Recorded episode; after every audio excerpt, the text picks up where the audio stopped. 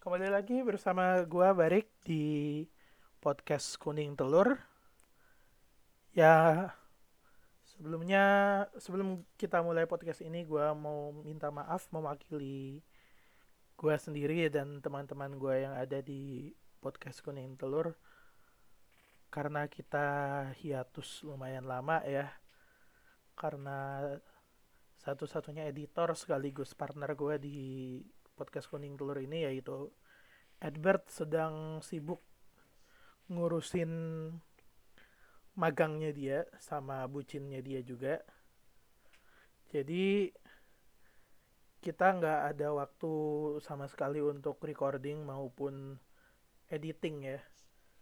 Tapi dengan tayangnya podcast ini mungkin kita bakal kembali recording, editing, dan tayang secara rutin seperti sebelum-sebelumnya.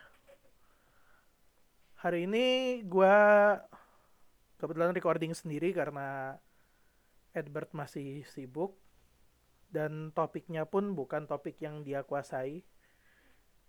Jadi ya mohon bersabar dan menikmati saja karena kalian bakal dengerin suara gua doang selama entah berapa menit gua selesai ngebahasnya ini. Mungkin bakal rada lama. Hari ini pembahasannya sebenarnya simple sih. Gue pengen ngebahas salah satu series yang baru aja tamat. Sebuah series tokusatsu yaitu Kamen Rider Zio. Kamen Rider Zio ini adalah Kamen Rider terakhir ya di seri Heisei. Kamen Rider ke-20 sekaligus terakhir yang menutup Kamen Rider di era Heisei dan mengawali dan sebagai jembatan, bukan mengawali ya, sebagai jembatan ke era Reiwa. Dia tayang sebanyak 49 episode sejak 2 September 2018 hingga seminggu sebelum uh, gua recording yaitu 25 Agustus 2019. Seri ini gua nggak tahu sih yang garap produsernya siapa, gua lupa. Cuma gua inget main writernya itu si Moyama Kento. Dia yang ngegarap Shuriken Sentai Ninja dan juga Kyoryuger Brave yaitu sequel dari uh, Juden Sentai Kyoryuger versi Korea. Lalu diselingi juga kadang sama Nobu, Nobuhiro Mori yang dia pegang uh, arc-nya Ghost oh sama Game.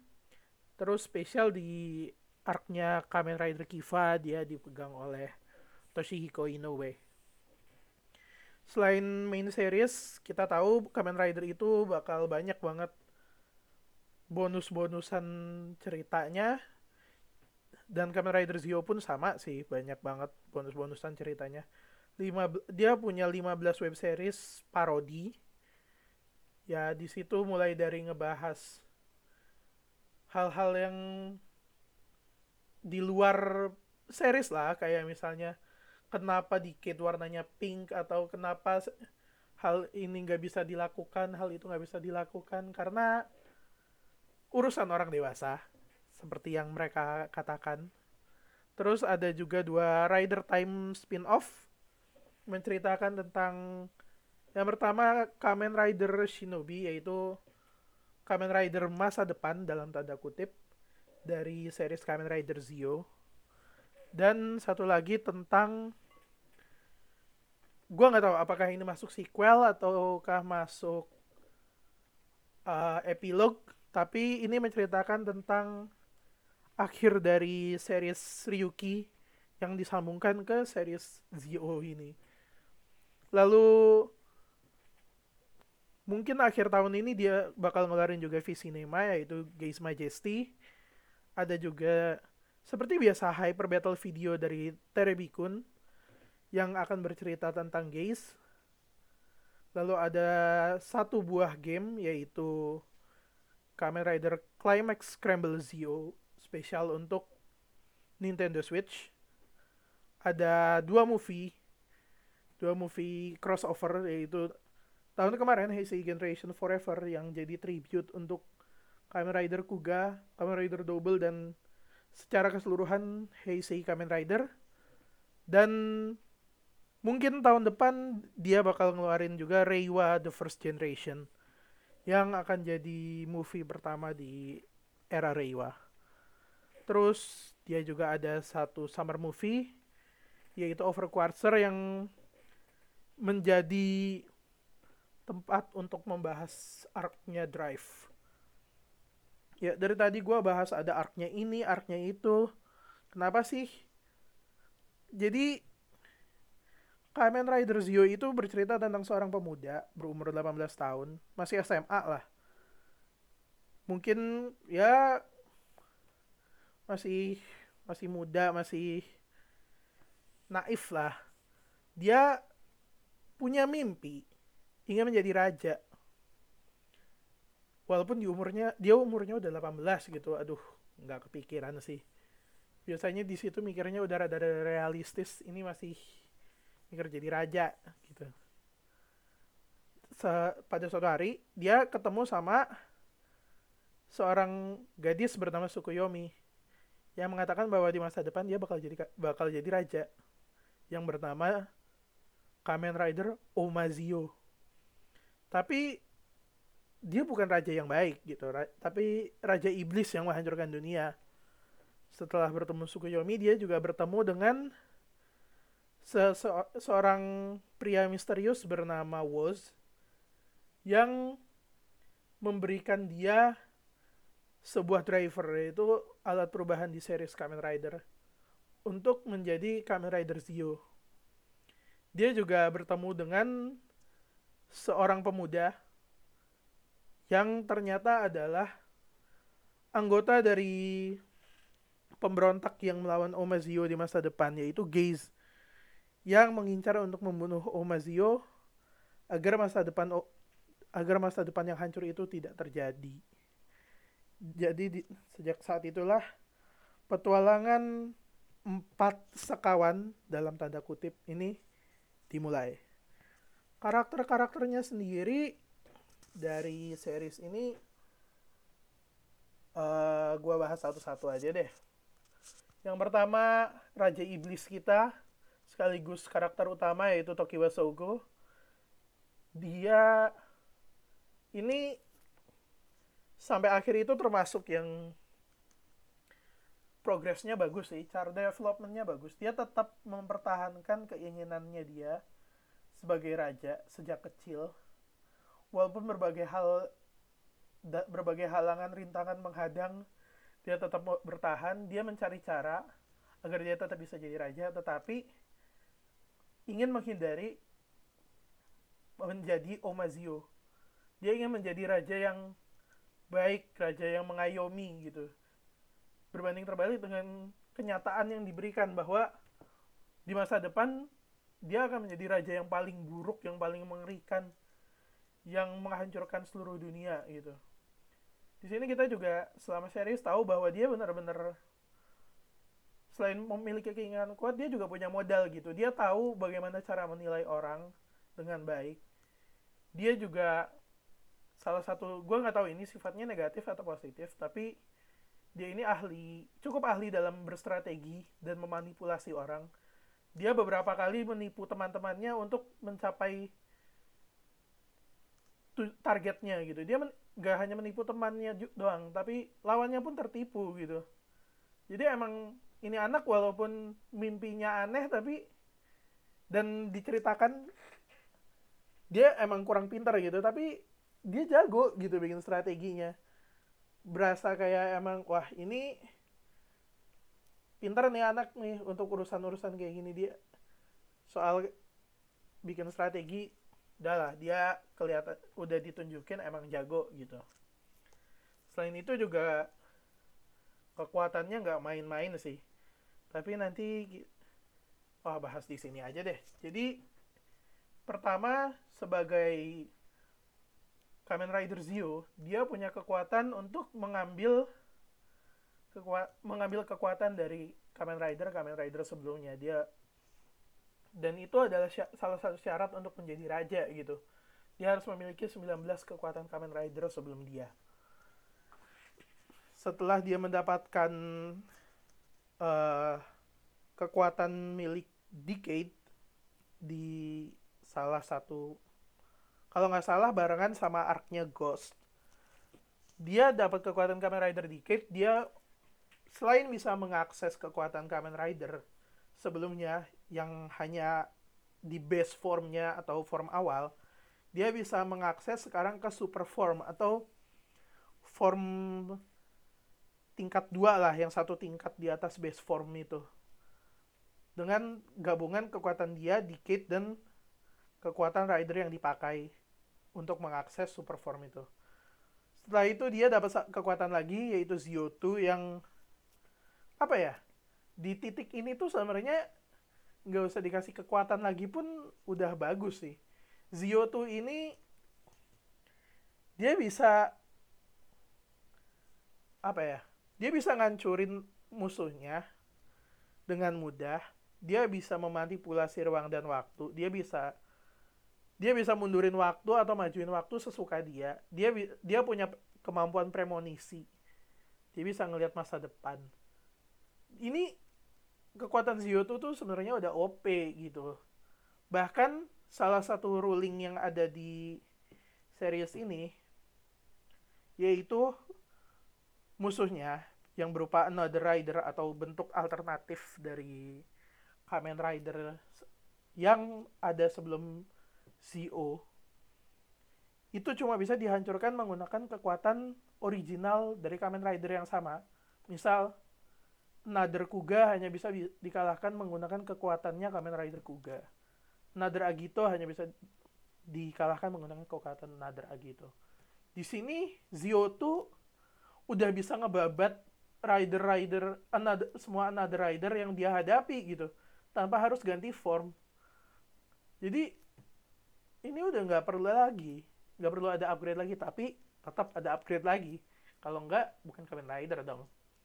Di sini dia dapat satu upgrade lagi, yaitu Zio Trinity yang merupakan upgrade yang tidak dimiliki oleh Oma Zio saat dia masih muda. Ini bisa dibilang di sini sejarah Oma Zio mulai melenceng. Tapi entah kenapa Oma Zio masih bertahan gitu. Entah memang Oma Zio tidak bisa terelakkan atau bagaimana kita nggak tahu. Zio Trinity sendiri sebenarnya simpel. Dia menggabungkan kekuatan dari Zio, Gaze, dan Woz. Udah, itu. Mereka jadi kalau kalian nonton Kamen Rider DNO ya, kan ada climax form tuh yang uh, si Ryotaro dirasuki oleh empat imajinnya gitu. Nah, ini kurang lebih sama sih. Jadi badannya Trinity itu di dalamnya dikontrol sama Gaze Woz sama Sogo bertiga itu nanti siapa yang kontrol utama itu ditunjuk pakai semacam jarum jam di sebuah apa sih kayak ruangan alternatif gitu untuk kendaliin Trinity di sini Trinity jauh lebih OP lagi kalau dipakai dengan pinter karena Trinity ini kayak penyambung antara Sogo, Gaze, dan Woz. Jadi di mana pun mereka berada, kalau Sogo tiba-tiba pakai Trinity, mereka pasti ketarik gitu. Mau itu ada di dunia lain, mau ada di waktu yang lain, mau di masa depan, di masa lalu, mereka pasti ketarik dan join jadi Trinity gitu. Itu lagi-lagi OP banget dan kebetulan ini salah satu kekuatan yang benar-benar dipakai dengan baik ya dalam plot dibandingin dengan yang lain aduh kekuatannya Decade itu sedih banget sih terus yang terakhir nggak terakhir sih. Ini kekuatan selanjutnya yang bisa kita bilang final formnya Sogo yaitu Grand Zio. Grand Zio ini mempunyai kekuatan dari semua form Zio sebelumnya kecuali Trinity karena Gay sama Woz nggak join di dalam situ. Dia bisa memanipulasi waktu bisa memanipulasi ruang. Dia punya kekuatan dari 20 Kamen Rider 9, 20 Kamen Rider termasuk Kamen Rider Kamen Rider sebelumnya. Dan juga ini sih sebenarnya ini kekuatan yang paling OP dari Grand Zio itu dia bisa ngeakses bukan hanya kekuatannya tapi dia bisa ngeakses semua senjata. Dia bisa memanggil semua Kamen Rider dalam form apa pun, minjem semua senjata Kamen Rider tersebut yang entah itu sudah hancur atau bagaimana, bisa dia pinjem dan dia bisa gunain itu ya sesuka dia gitu. Dia bisa ngontrol dan Kamen Rider yang dia panggil pun bisa dia kontrol gitu. Padahal kita dikasih lihat secara visual itu itu Kamen Rider yang dipanggil kan dari salah satu bagian dari seriesnya misalnya kayak pas debutnya Grand Zio itu dia manggil Kamen Rider Oz itu dia manggil Kamen Rider Oz saat Rider Kick di episode satunya kalau nggak salah. Itu masih kan Kamen Rider Oz di situ masih dikontrol oleh Eiji Hino sendiri kan.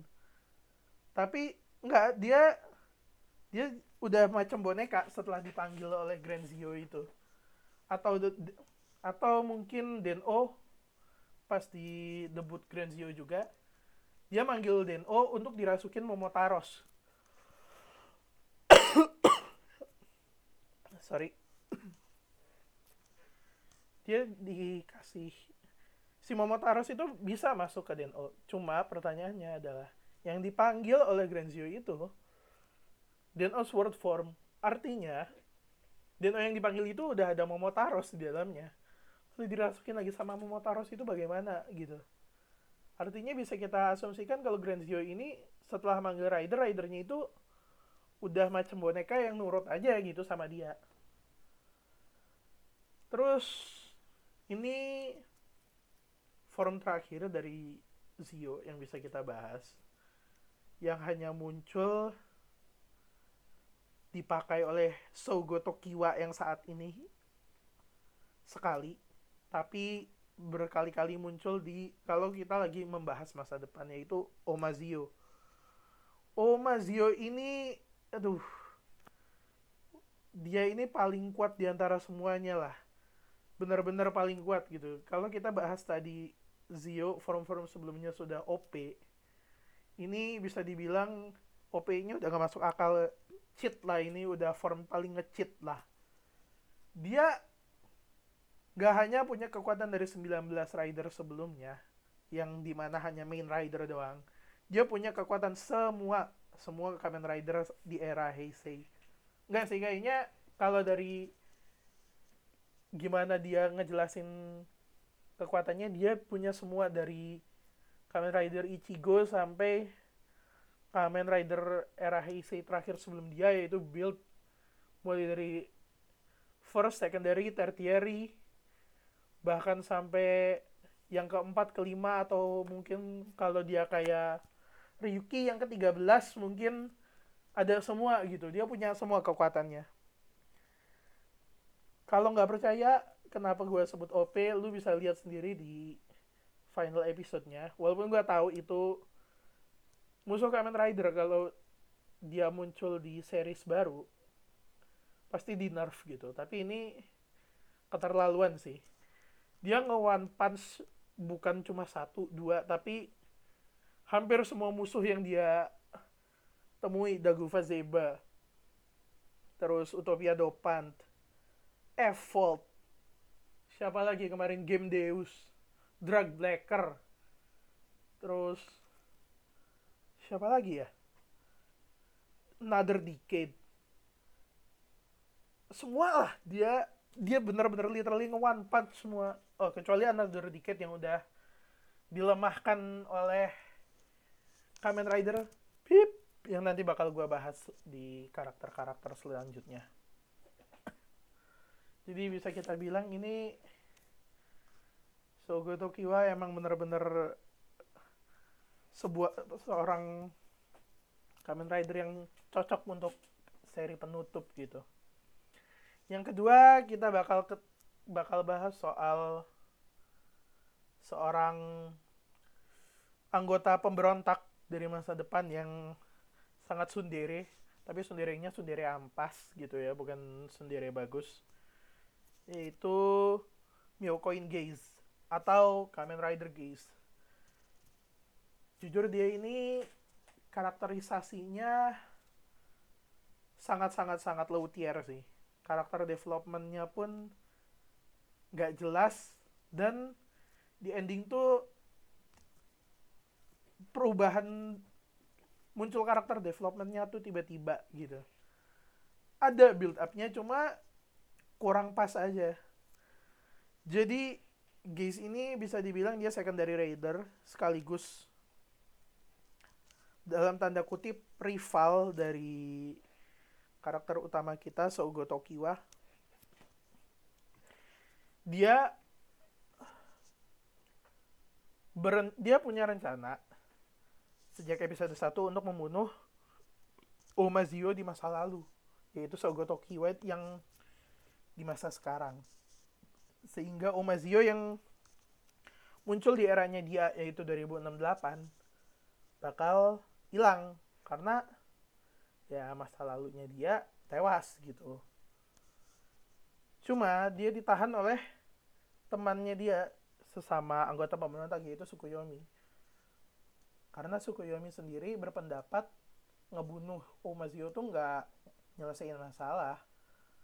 Yang ada kita tuh harus ngejagain dia biar dia nggak jadi Omazio menurut Sukuyomi. Nggak, si guys keras kepala nih. Sampai satu titik gue lupa di mana Sogo itu sempat depresi karena mengetahui masa depannya sebagai Omazio. Dan dia menolak untuk melanjutkan menjadi Kamen Rider di situ. Gaze balik lagi. Gaze berputar 180 derajat yang ngedukung Sogo untuk menjadi raja. Tapi dia tapi dia tetap bilang kalau lu nunjukin tanda-tanda untuk jadi Omazio, gue yang bakal ngabisin lu detik itu juga. udah di situ Sogo akhirnya balik lagi dan ya cerita berlanjut kembali lalu di arc selanjutnya muncullah alter muncul seseorang dari alternate timeline yaitu Woz. Tapi beda dengan Woz yang biasa kita sebut dari tadi ya. Dia adalah Woz alternate yang biasa disebut was putih. Dia di masa depan alternate adalah anak buah dari Gaze yang ternyata di masa depan Gaze juga jadi raja gitu. Masa depan alternate ya untuk jadi raja dia harus dapat kekuatan setara dengan Zio yaitu Gaze Revive dengan syarat memiliki tiga uh, Ride Watch dari Kamen Rider masa depan yang di alter, masa depan alternate. Setelah ya berbagai arc dan intrik tiga Ride Watch itu dipegang oleh Watch Putih dan membentuk Gaze Revive yang diberikan ke Gaze ya di situ nggak ada perkembangan apa-apa sih untuk karakterisasinya Gaze dengan mendapatkan Gaze Revive maupun diberitahu bahwa kalau di alternate timeline dia bakal jadi raja gitu. Bukan raja sih lebih ke penyelamat dunia dari Omazio tidak memberikan karakterisasi apa-apa tidak memberikan development apa-apa udah gitu doang dia malah galau apakah dia harus jadi penyelamat dengan membunuh Zio atau tidak ya hanya menambahkan kegalauan saja. Lalu di tengah arc itu juga ada arc Zio2 di mana Sogo mendapatkan kekuatan Zio2. Di situ Gaze lagi-lagi galau gitu. Makin dalam galaunya apakah gue harus ngebunuh Zio karena gue ngelihat Zio makin kuat nih.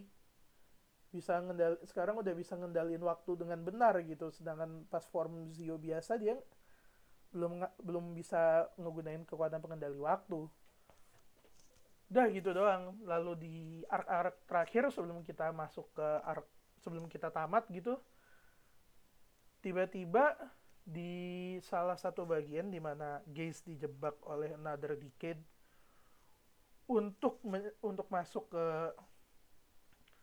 dunia lain yang di, dibikin oleh dia dibikin oleh Another Decade gitu. Untuk membangkitkan Kamen Rider Dark Rider yang di mana dunianya guys membangkitkan bos putih.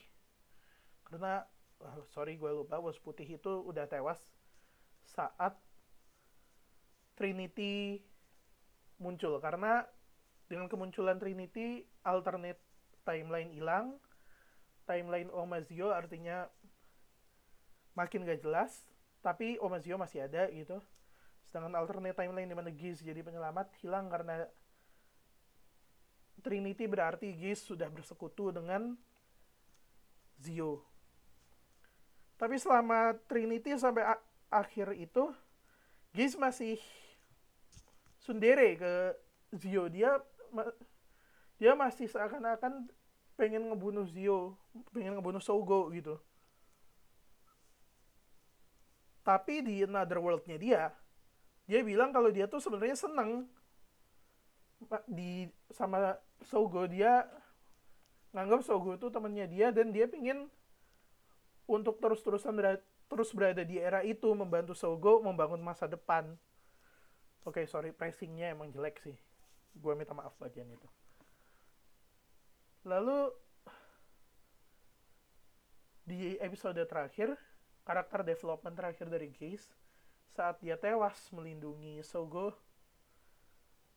dia seorang Myokoin Gaze yang sejak episode 1 berniat untuk membunuh Sogo, membunuh Omazio, meminta Sogo untuk menjadi Omazio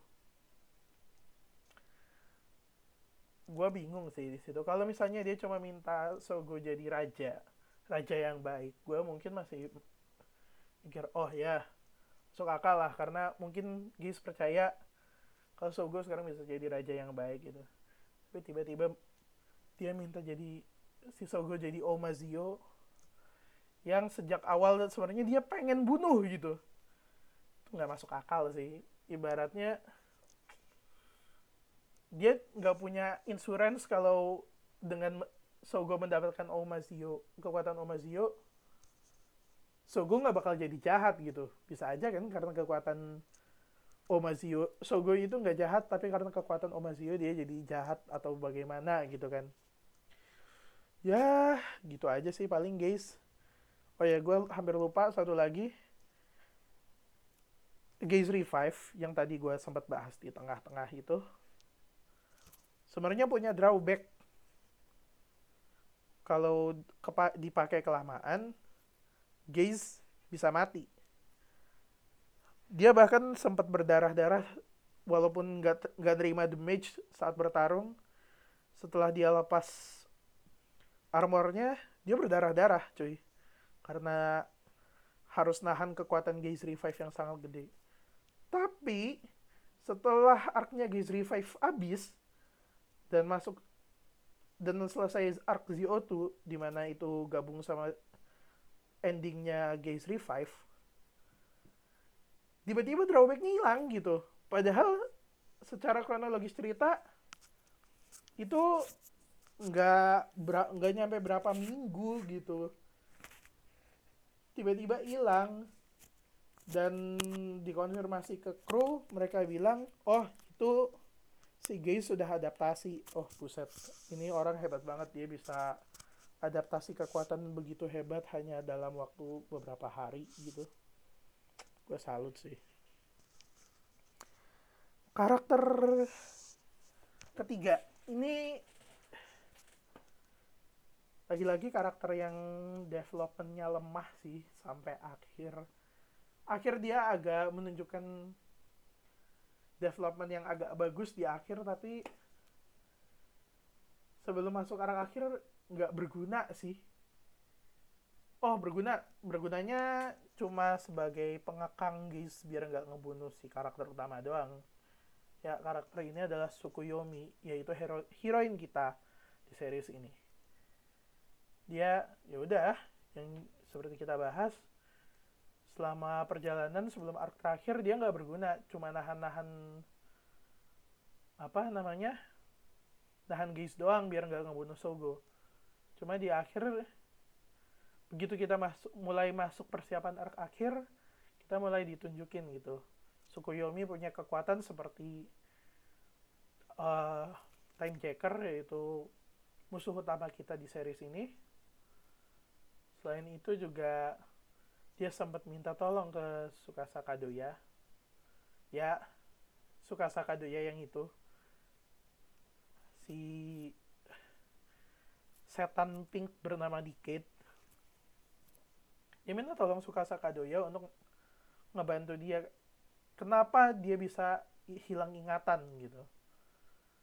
Akhirnya Sukasa yang bisa dibilang dia sudah tahu siapa itu Sukuyomi tapi kita nggak tahu kenapa dia bisa tahu mengantarkan Sukuyomi ke sebuah tanda kutip masa depan yaitu tahun 2058 di mana Sukuyomi bertemu dengan dirinya saat kecil dan juga kakaknya. Yang ternyata mereka berdua akan bermain sebagai in, pemain inti dari cerita ini di akhir.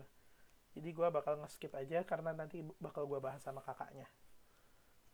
Lalu yang keempat kita punya MVP of the year selain omnya Sogo yang cuma cuma karakter sampingan ini karakter, salah satu MVP karakter utama yaitu Woz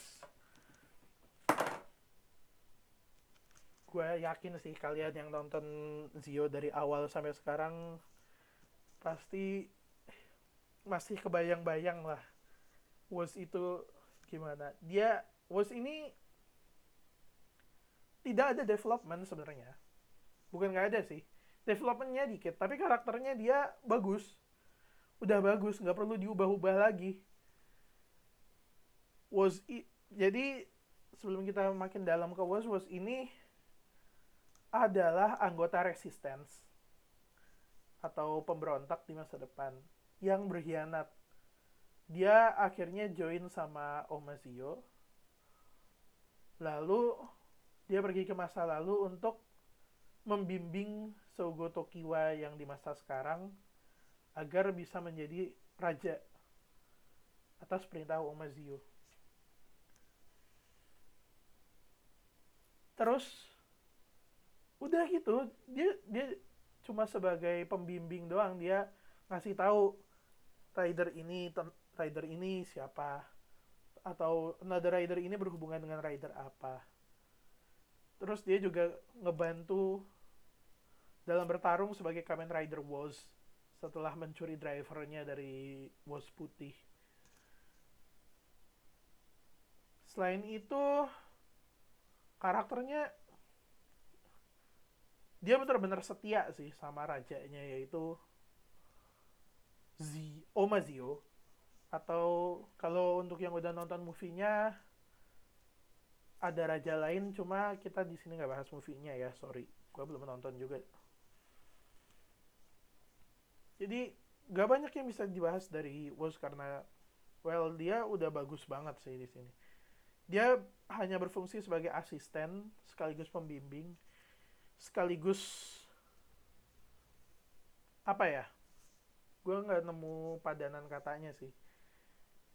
Pokoknya setiap Zio dapat form baru dia semacam aduh gua nggak tahu padanannya apa. Pokoknya dia bakal mengumumkan ke semua orang yang ada di situ. Kalau inilah raja kita di masa depan ya udah seperti itu doang sih. Lalu di sini sekarang kita bisa mulai masuk ke musuh-musuhnya. Ur sama Ora. Nggak banyak yang bisa gue bahas dari mereka sih. Mereka cuma fodder doang. Nggak ada developmentnya lumayan bagus di akhir mereka. Sempat nunjukin bahwa mereka merasa dikhianati oleh apa ya oleh atasan mereka mungkin yaitu Swartz mereka menganggap kalau selama ini mereka bakal beroperasi sebagai orang yang levelnya sama tapi ternyata enggak. Swartz cuma memanfaatkan mereka doang gitu. Akhirnya si Ora diambil kekuatannya si Ur mencoba kabur terus mereka minta tolong ke karakter utama kita dibantuin karakter utama kita. Eh ternyata Ur mati. Karena dibacok Ora yang berkhianat dari dia terus Ora juga mati karena di di roundhouse kick sama Another Decade. Udah gitu doang sih. Oh bonus ini anak dua. Jujur Ora cakep sebagai cewek dia cakep. Terus Ur itu sebagai cowok dia berhasil membinging bikin bingung satu fandom tentang gendernya dia. Lalu yang terakhir kita punya last boss kakak dari Sukuyomi sekaligus orang yang bikin semua hal yang ada di series ini terjadi yaitu Swartz Swartz ini ya yang tadi gue bilang dia kakaknya Sukuyomi sekaligus final boss yaitu Another Decade dia sejak awal punya tujuan untuk menjadi raja di dunianya. Nanti bakal gue jelasin lebih jelas setelah kita ngebahas karakter ya. Jadi dia pengen jadi raja di dunianya dan menyelamatkan dunianya tapi dia pengen nyelamatinnya dengan cara yang lumayan merepotkan gitu. Karena jadi untuk menghindari kehancuran dunia tempat dia tinggal dia harus menghancurkan dia berpendapat bahwa dia harus menghancurkan dunia-dunia yang lain yaitu dunia-dunia yang memiliki Kamen Rider di situ ada 20 dunia. Dan dia berpikir repot amat gue kudu ngancurin 20 dunia satu-satu. Mana masing-masing ada Kamen Ridernya lagi. Akhirnya dia kepikiran kenapa nggak gue pakai cara ini aja? Jadi dia pergi ke salah satu dunia. Dia menuntun salah seorang anak kecil pada tahun 2009 dia bertemu dengan seorang anak kecil dan menuntun dia agar menjadi raja. Sehingga pada saat dia di masa depan, dia akan menjadi raja yang menyatukan semua Kamen Rider. Siapa lagi kalau bukan karakter utama kita, Sogo Tokiwa. Setelah dia uh, apa sih namanya membuat Sogo Tokiwa bermimpi menjadi raja, dia mem membentuk Time Jacker oh sebelum membentuk time jacker dia sempat ngebuang adeknya yaitu Sukuyomi. Atau kalau kita tahu nama aslinya di arc terakhir yaitu Alvina ke dunianya Zio di tahun 2068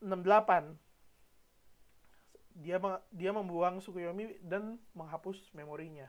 Kenapa? Karena ternyata Sukuyomi itu punya kekuatan yang lebih besar dari pada Swords ini. Dan dia Sukiyomi lah yang harusnya menjadi raja di dunianya. Tapi karena Swartz pengen jadi raja ya dibuanglah si Sukuyomi ke dunia lain itu. Tapi ternyata ini bakal jadi pedang bermata dua sih. Sukuyomi ternyata berpihak sama Zio.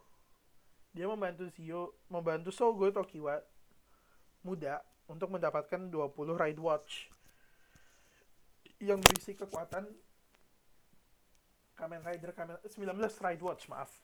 Yang berisi kekuatan dari 19 Kamen Rider sebelumnya. Tapi ternyata itu pun sudah masuk rencananya Swartz. Swords memanfaatkan Sukuyomi yang hilang ingatan untuk membantu Sogo. Sehingga Sogo mendapatkan kekuatan Kamen Rider dari 19 Rider sebelumnya. Dengan kekuatan ruang dan waktu Zio secara otomatis saat mereka mendapatkan kekuatan Rider tersebut Rider tersebut hilang dari sejarah dan dunianya bersatu dengan dunianya Zio saat bersatu itu membuat dunia makin gak stabil. Otomatis lebih gampang dihancurkan. Lalu Swartz setelah membeberkan semua rencana itu, dia mencuri kekuatan Sukuyomi, mencuri kekuatan Kadoya Sukasa alias Decade untuk memulai rencananya menghancurkan dunia. Udah. Paling yang menarik dari Swartz ini apa ya nggak ada sih selain dia sendiri yang bikin masalah sebenarnya. Dunianya hancur kenapa? Karena nggak ada Kamen Rider. Kalau menurut series ini dunianya Swords hancur karena nggak ada Kamen Rider. Terus kenapa dia nggak bikin Kamen Rider aja gitu? Kenapa dia nggak jadi Kamen Rider aja? Entahlah. Tapi yang pasti kalau Swords nggak main-main sama dunia Kamen Rider lain mungkin dunianya pun nggak bakal terseret gitu ke kehancuran. Akhirnya yang nyelamatin dunianya Swords pun bukan dia gitu. Tapi adiknya Sukuyomi yang di episode terakhir jadi Kamen Rider berkat bantuan dari Sogo Tokiwa di masa sekarang dan di masa depan sebagai Umazio gitu. Dengan berubahnya Sukuyomi nah eh ini udah malah masuk pembahasan cerita ya ya intinya sih karakter Swords ini gue nggak tahu harus bahas apa sih dia dia nggak nggak menarik juga gitu sebagai musuh tidak dia mengancam tapi tidak menarik aja gitu. Hanya hanya seba, untuk di, dikasih posisi last boss aja sih. Dia waktu bagian Sukuyomi ke masa depan alias masa lalunya dia pas dia masih muda gitu dia sebenarnya bilang kalau dia pengen ngejaga adiknya gitu di sekaligus dunianya dia. Tapi pas ditanya sama Sogo pas Sogo ke dunia itu kalau misalnya so, Sogo nanya kalau misalnya adik lu lebih kuat lu mau gimana gitu? Eh tiba-tiba dia throwing tantrum. Bilang ya bodoh amat gue pengen jadi raja. Kalau adik gue lebih kuat ya gue ambil aja kekuatannya terus gue buang dia ke dunia lain. Gue hapus memorinya bla bla bla bla. Ya basically plot kita gitu. Jadi tiba-tiba ber, sifatnya berubah pun aneh sih. Dari dia yang kelihatannya pengen ngelindungin adiknya terus tiba-tiba jadi haus. Akan kekuatan dan kekuasaan itu sampai dia bikin sebuah plot yang jujur membingungkan. Bahkan gue sendiri masih bingung dengan storynya Zio sampai detik ini. Jadi nggak guna juga sih. Dia jadi another rider pun nggak guna karena di dunianya dia untuk nyelamatin butuh Kamen Rider gitu. Kalau dia udah tahu soal itu terus ngeliat Sukuyomi jadi Kamen Rider yang mending dia ambil kekuatannya terus dia jadi Kamen Rider sendiri daripada jadi another rider gitu. Tapi ya mungkin emang kayak gitu sih. Kekuatannya sendiri Swartz itu dia punya kekuatan memanipulasi waktu karena dia dan Sukuyomi sama-sama dari sebuah klan yang menjaga ruang dan waktu di dunianya. Jadi mereka semua punya kekuatan memanipulasi waktu. Cuma untuk Swartz, dia punya kemampuan untuk membagikan kekuatan tersebut atau mengambilnya lagi. Dia bagiin kekuatan itu ke Ur, ke Aura, ke Sogo agar Sogo jadi raja, sama ya maling kita tercinta Kamen Rider Dien alias Kaito Daiki. Di situ dia ngambil dia ngasih dia ngambil dia ngasih dia ngambil. Udah dia juga sempat ngambil kekuatannya Sukuyomi. Sempat ngambil sedikit kekuatannya Omazio tapi nggak berefek. Sama Omazio tetap di one hit. Payah emang. Terus sama adiknya juga dibacok itu semacam homage pas dikit tewas dibacok sama Kivala di movie War 2009 2009 ya mungkin segitu aja sih soal Swartz. Mungkin kita mulai masuk pembahasan cerita aja ya. Ceritanya di sini di Zio ini gue sendiri bingung sih. Awalnya kan kita dikasih plot dikasih tanda kalau Zio ini sebenarnya ada di satu timeline gitu semua Kamen Rider sejak Kuga sampai Zio itu di ada di satu timeline. Walaupun kayaknya Kamen, semua fans Kamen Rider tahu kalau semua Kamen kalau Kamen Rider Kamen Rider terutama yang sebelum Decade itu mayoritas tidak berkesinambungan. Mungkin pengecualian kayak Kuga sama Agito yang secara tidak langsung nyambung tapi tidak tidak nyambung gitu gitu lebih kayak alternate future-nya Kuga gitu. Sedangkan secara storyline ya. Sedangkan Kuga mungkin punya future-nya sendiri. Kalau untuk seri setelah Decade sendiri itu bisa kita anggap nyambung karena movie war gitu. Misalnya kayak movie war movie war 2019 di mana Decade ketemu Double, movie war core di mana Double ketemu Oz, movie war apa lagi ya?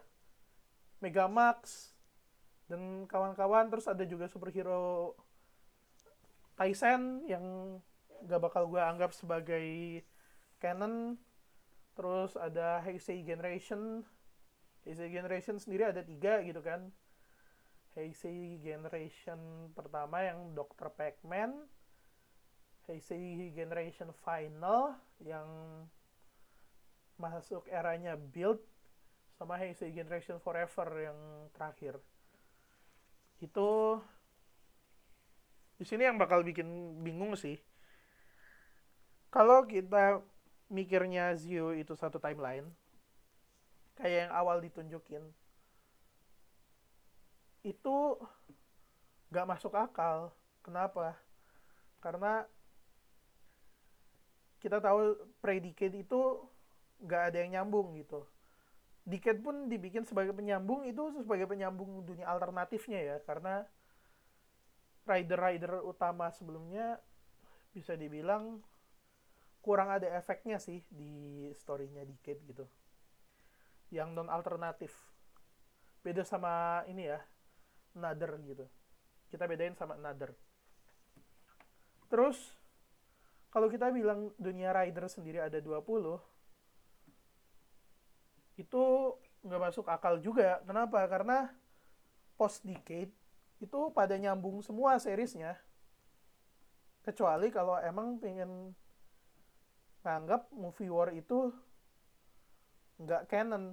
Tapi kalau kita nganggap movie war nggak canon, itu ada beberapa episode yang nggak masuk akal di series-series itu. Makanya movie war bisa kita bilang kemungkinan besar canon gitu. Belum lagi kita masuk ke build.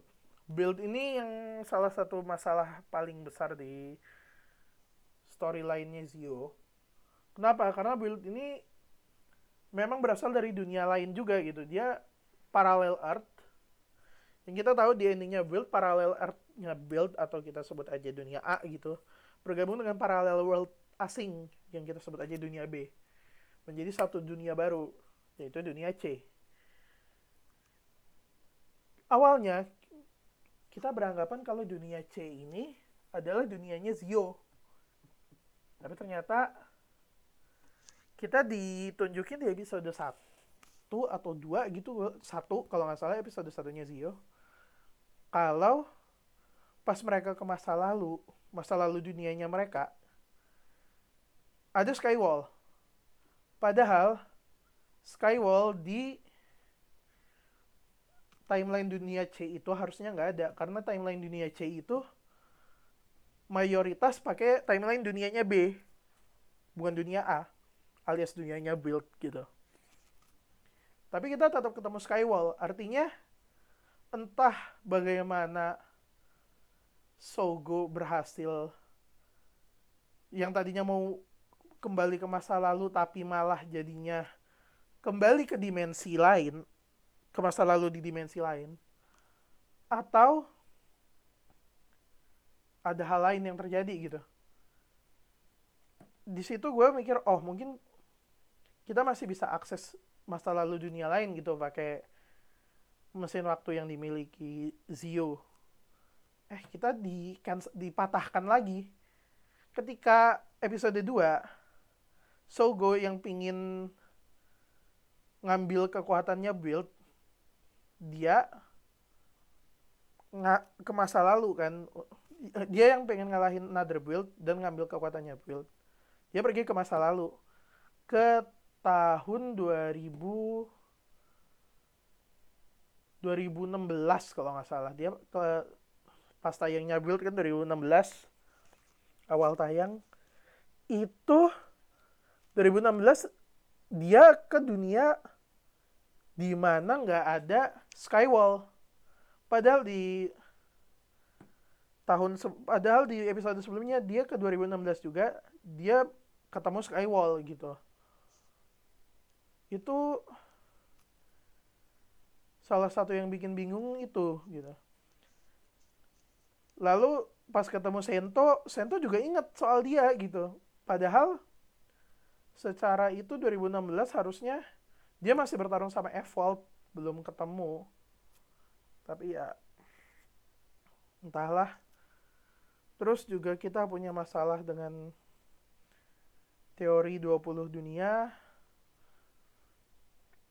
Dan apalagi ya kita juga mulai dikasih tahu kalau dunia nya beda, dunia rider itu beda-beda tuh mulai di spoiler kalau nggak salah di arknya Kabuto di mana Kagami Arata atau Kamen Rider Gatak nanya emang si Buya udah dibenerin sejak kapan? Yang kalau kalian pernah nggak tahu atau lupa Shibuya di series Kamen Rider Kabuto itu hancur karena kejatuhan meteorit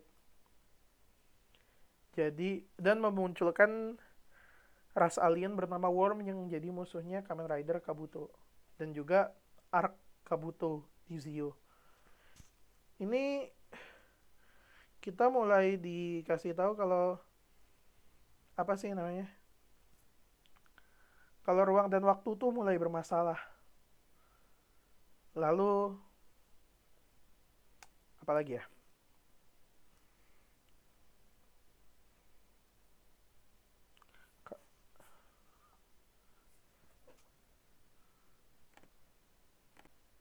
lalu di sini juga dimulai kayak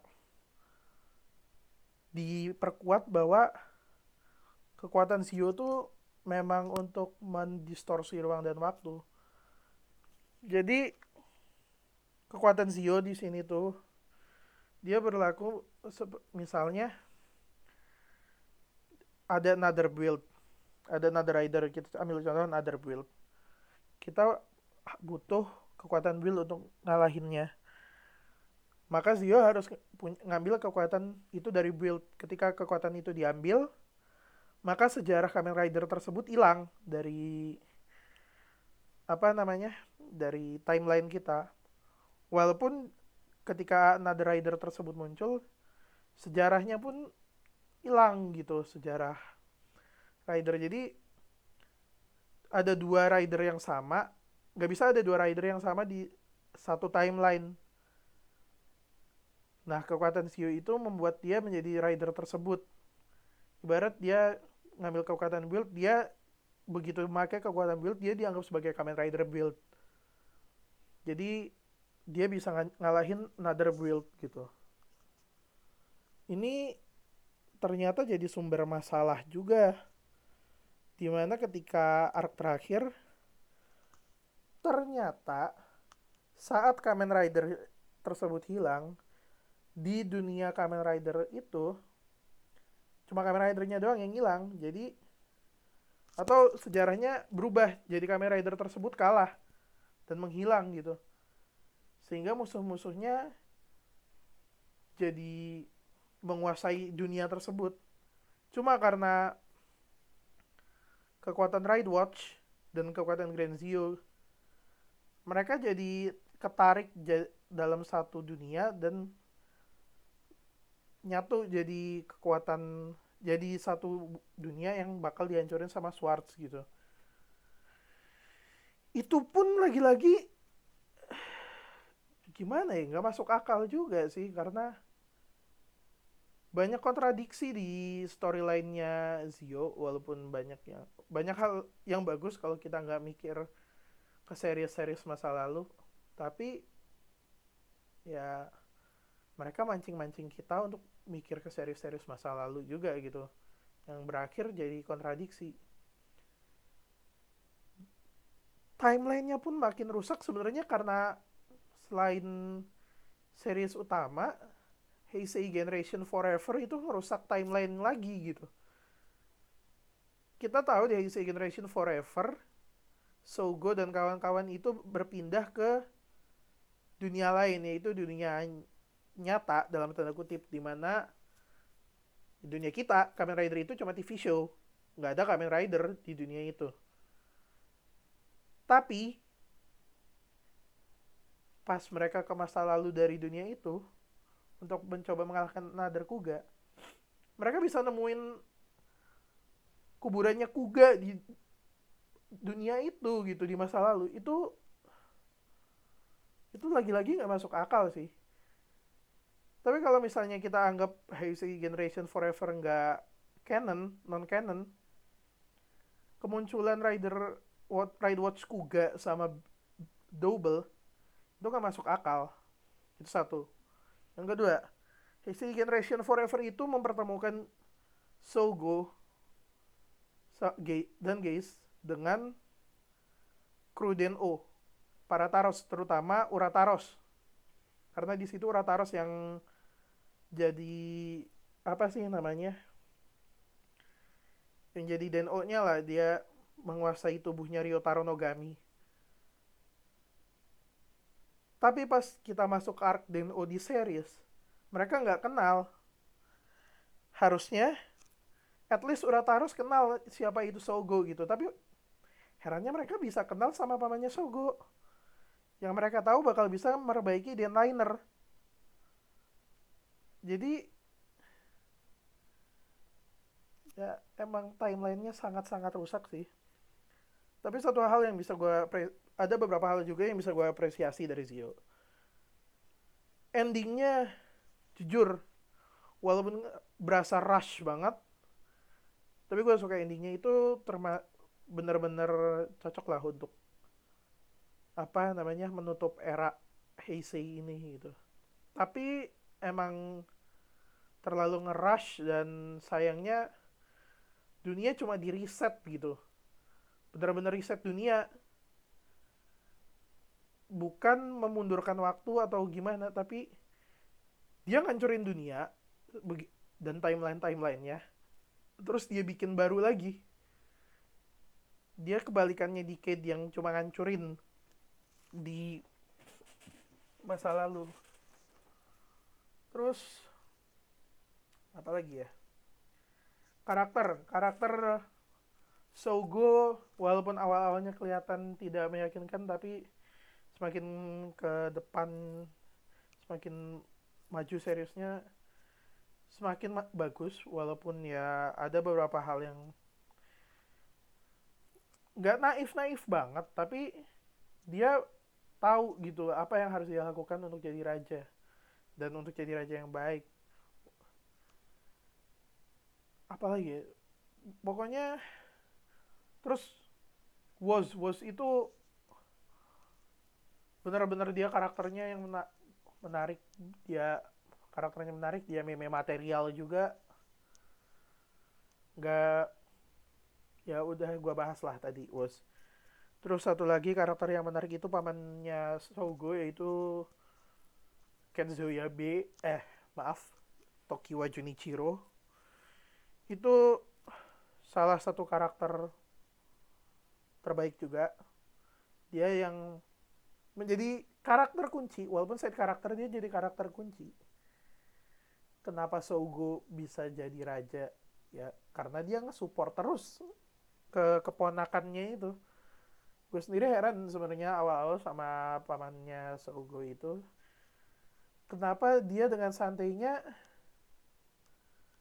mengizinkan ponakan dia satu-satunya untuk gak ngelanjutin kuliah gitu dan dia dan ponakannya masih bilang ya aku gak ngelanjutin kuliah paman. Kenapa? Karena aku pengennya jadi raja bukan kuliah. Itu kalau di dunia nyata udah udah dimasukin rumah sakit jiwa sih kayaknya sama keluarganya tapi pamannya enggak pamannya tetap nge-support dia gitu. Terus di arc terakhir di mana semua Ride Watch hancur dan dengan hancurnya Ride Watch tersebut oh dengan hancurnya Ride Watch tersebut mereka manggil musuh-musuh Kamen Rider yang ada di dunia ride watch masing-masing. Itu yang perbaiki dia. Sehingga Sogo bisa mengakses Grand Zero lagi. Padahal Sogo sendiri nggak punya ride watch Decade yang karena ride watch Decade udah dia balikin ke Decade. Makanya Decade masih bisa bertarung sampai akhir setelah kekuatannya dicuri oleh Swartz. Itu salah satu hal yang bikin gue bingung juga sih di timelinenya Zio. Kenapa di episode terakhir dia masih bisa akses Grand Zio padahal Redwood ticket udah dia kasih ke Diket gitu. Kenapa dia masih bisa pakai Grand Zio? Pas tiket udah berubah jadi Diket lagi. Terus pas Diket kalah di episode paling-paling akhir dia bisa berubah jadi Grand Zio padahal kekuatannya Diket masih dia pegang. Masih dipegang Tsukasa Kado ya nggak di, bukan sama Sogo lagi. Well gue sendiri nggak tahu. Tapi ya untuk ending sendiri di luar dari seluruh keseluruhan series bisa gue bilang bagus. Walaupun ngerush dan ada dan hal lain yang nggak masuk akal dari endingnya itu Swartz yang terlalu percaya sama adiknya. Padahal kalau lu merhatiin storyline-nya Zio gak mungkin adiknya itu tiba-tiba berkhianat ke berkhianat dari Sogo terus memihak Swartz sih. Tapi ya lupakan saja lah banyak hal yang lebih, lebih aneh dari itu sih sebenarnya selain itu hal-hal bagus lainnya ya hal-hal bagus lainnya ini Kamen Rider Zio itu seperti biasa mereka manggil berbagai karakter dari seri-seri Kamen Rider sebelumnya untuk jadi cameo. Kadang karakter utamanya yang dipanggil kayak Build sama Vice mereka manggil Build mereka manggil langsung kan si siapa sih yang jadi Sento sama Banjo itu? Gue lupa nama aslinya. Ah, Atsushi Inuk Atsushi Inukai sama gue lupa yang jadi Banjo siapa. Terus Vice mereka manggil pemerannya Inui Takumi sama siapa sih? Kaiksa kok gue jadi lupa gini? Nama karakternya banyak banget. Hah, ya pokoknya itulah. Terus kadang mereka juga manggil cuma side karakter sih kayak di arc-nya Force mereka manggil Osugi Sensei sama murid-muridnya Gentaro di masa depan uh, masa sekarang sih karena di masa depannya itu dulu pas movie war-nya Force sama Wizard. Apalagi ya? Oh, saat yang paling hebat itu mereka bisa ngajak join Ryotaro Nogami alias Takeru Sato yang seperti banyak orang tahu Takiro Sato itu udah bintang papan atas di dunia perfilman Jepang dan ya agensinya nggak semudah itu ngizinin dia balik lagi ke Kamen Rider walaupun Takeru satunya mau gitu. Tapi Toei bisa manggil lagi Takeru Sato walaupun cuma beberapa menit. Itu itu bener-bener ah best lah pokoknya. Sayang kita nggak bisa dapat nggak bisa manggil lagi Sota Fukushi karena sibuk. Terus Masaki Suda juga sibuk. Hiro Mizushima dia masih sibuk jadi bapak dan dan udah tinggal di luar negeri juga dan jangan sampai kita bahas Joe Giri karena pasti bakal ribet banget. Oke? Okay? Terus beberapa arc itu benar-benar masterpiece jadi semacam apa ya? Semacam penutup untuk seri-seri Kamen Rider yang ngegantung gitu. Kayak arc-nya Blade. Kita dapat penutup di arc-nya penutup dari storyline-nya Blade melalui Zio di mana uh, si Kenzaki sama siapa sih? Si Chalis ini mereka berdua kan Joker di endingnya Blade. Tapi karena pengaruhnya story karena pengaruh story dari Zio mereka berdua kehilangan kekuatan Jokernya mereka berdua jadi manusia biasa. Oh Hajime. Ya gue inget Hajime Aikawa. Hajime Aikawa sama Kazuma Kenzaki akhirnya mereka berdua bisa berteman lagi dengan baik. Mereka berdua udah bukan joker lagi. Terus kita juga dikasih arc yang lepas dari seriesnya. Tapi masih bagus kayak arcnya gitu. Itu nggak nggak ada hubungannya sama series gitu cuma bener da, feel Agitonya dapat apalagi pas double trinity fight itu gila CG-nya beautiful itu. It's a beautiful fight.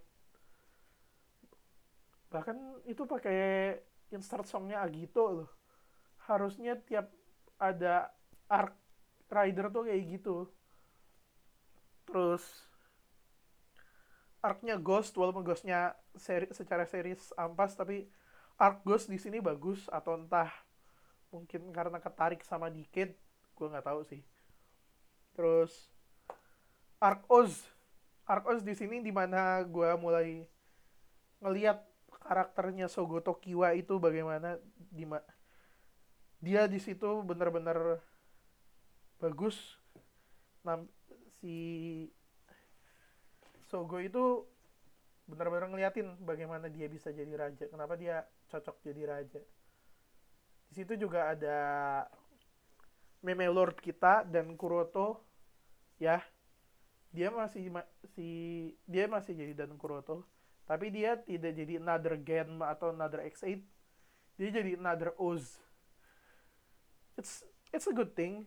Walaupun gak nyambung tapi bagus gitu cara ngedesainnya bagus gitu tapi ya secara timeline mereka nggak nyambung ke seriesnya. Terus ada banyak sih. Terus mungkin ada beberapa arc yang kontroversial kayak arc Kabuto di mana Kagami akhirnya diakui oleh Kabuto Zector. Itu sangat sangat sangat sangat kontroversial di komunitas dan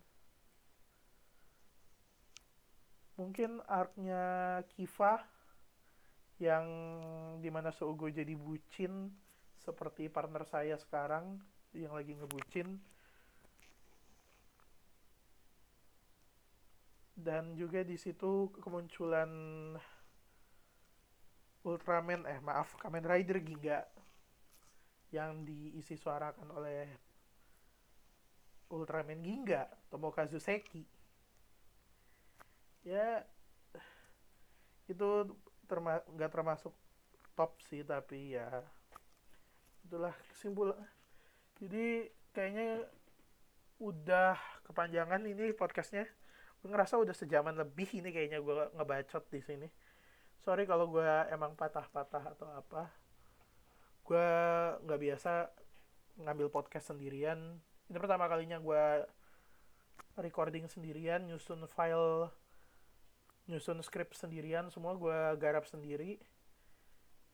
Jadi mohon maaf kalau ada salah-salah kata atau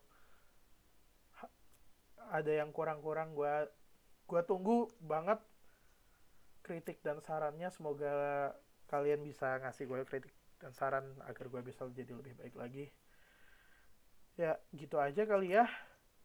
Makasih udah dengerin bacotan panjang gue ini se sejaman lebih. Mungkin selain mungkin nanti setelah ini gue bakal bikin beberapa podcast lagi sendiri record untuk kalian. Mungkin bakal kalau sendirian gue bakal lebih banyak bahas tokusatsu sih. Karena si Edward nggak doyan tokusatsu ya. Mungkin nanti either gue bakal bahas Ultraman Orb yang kebetulan karakter uta pemeran karakter utamanya baru datang ke Indonesia pas BioTT kemarin atau mungkin gue bahas Kamen Rider X8 yang mau tayang di Indonesia tanggal 2 September mungkin bakal tayang bareng sama podcast ini atau mungkin tayang sebelum sebelum podcast ini rilis gitu atau kita bakal bahas Kamen Rider Zero One yang baru rilis tahun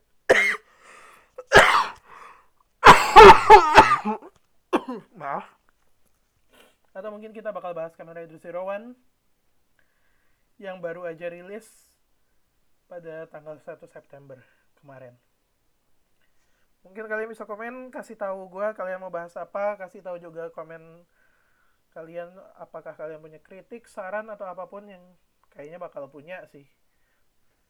Karena gue masih kayak gini. Ya terima kasih dan sampai jumpa lagi di podcast selanjutnya. Bye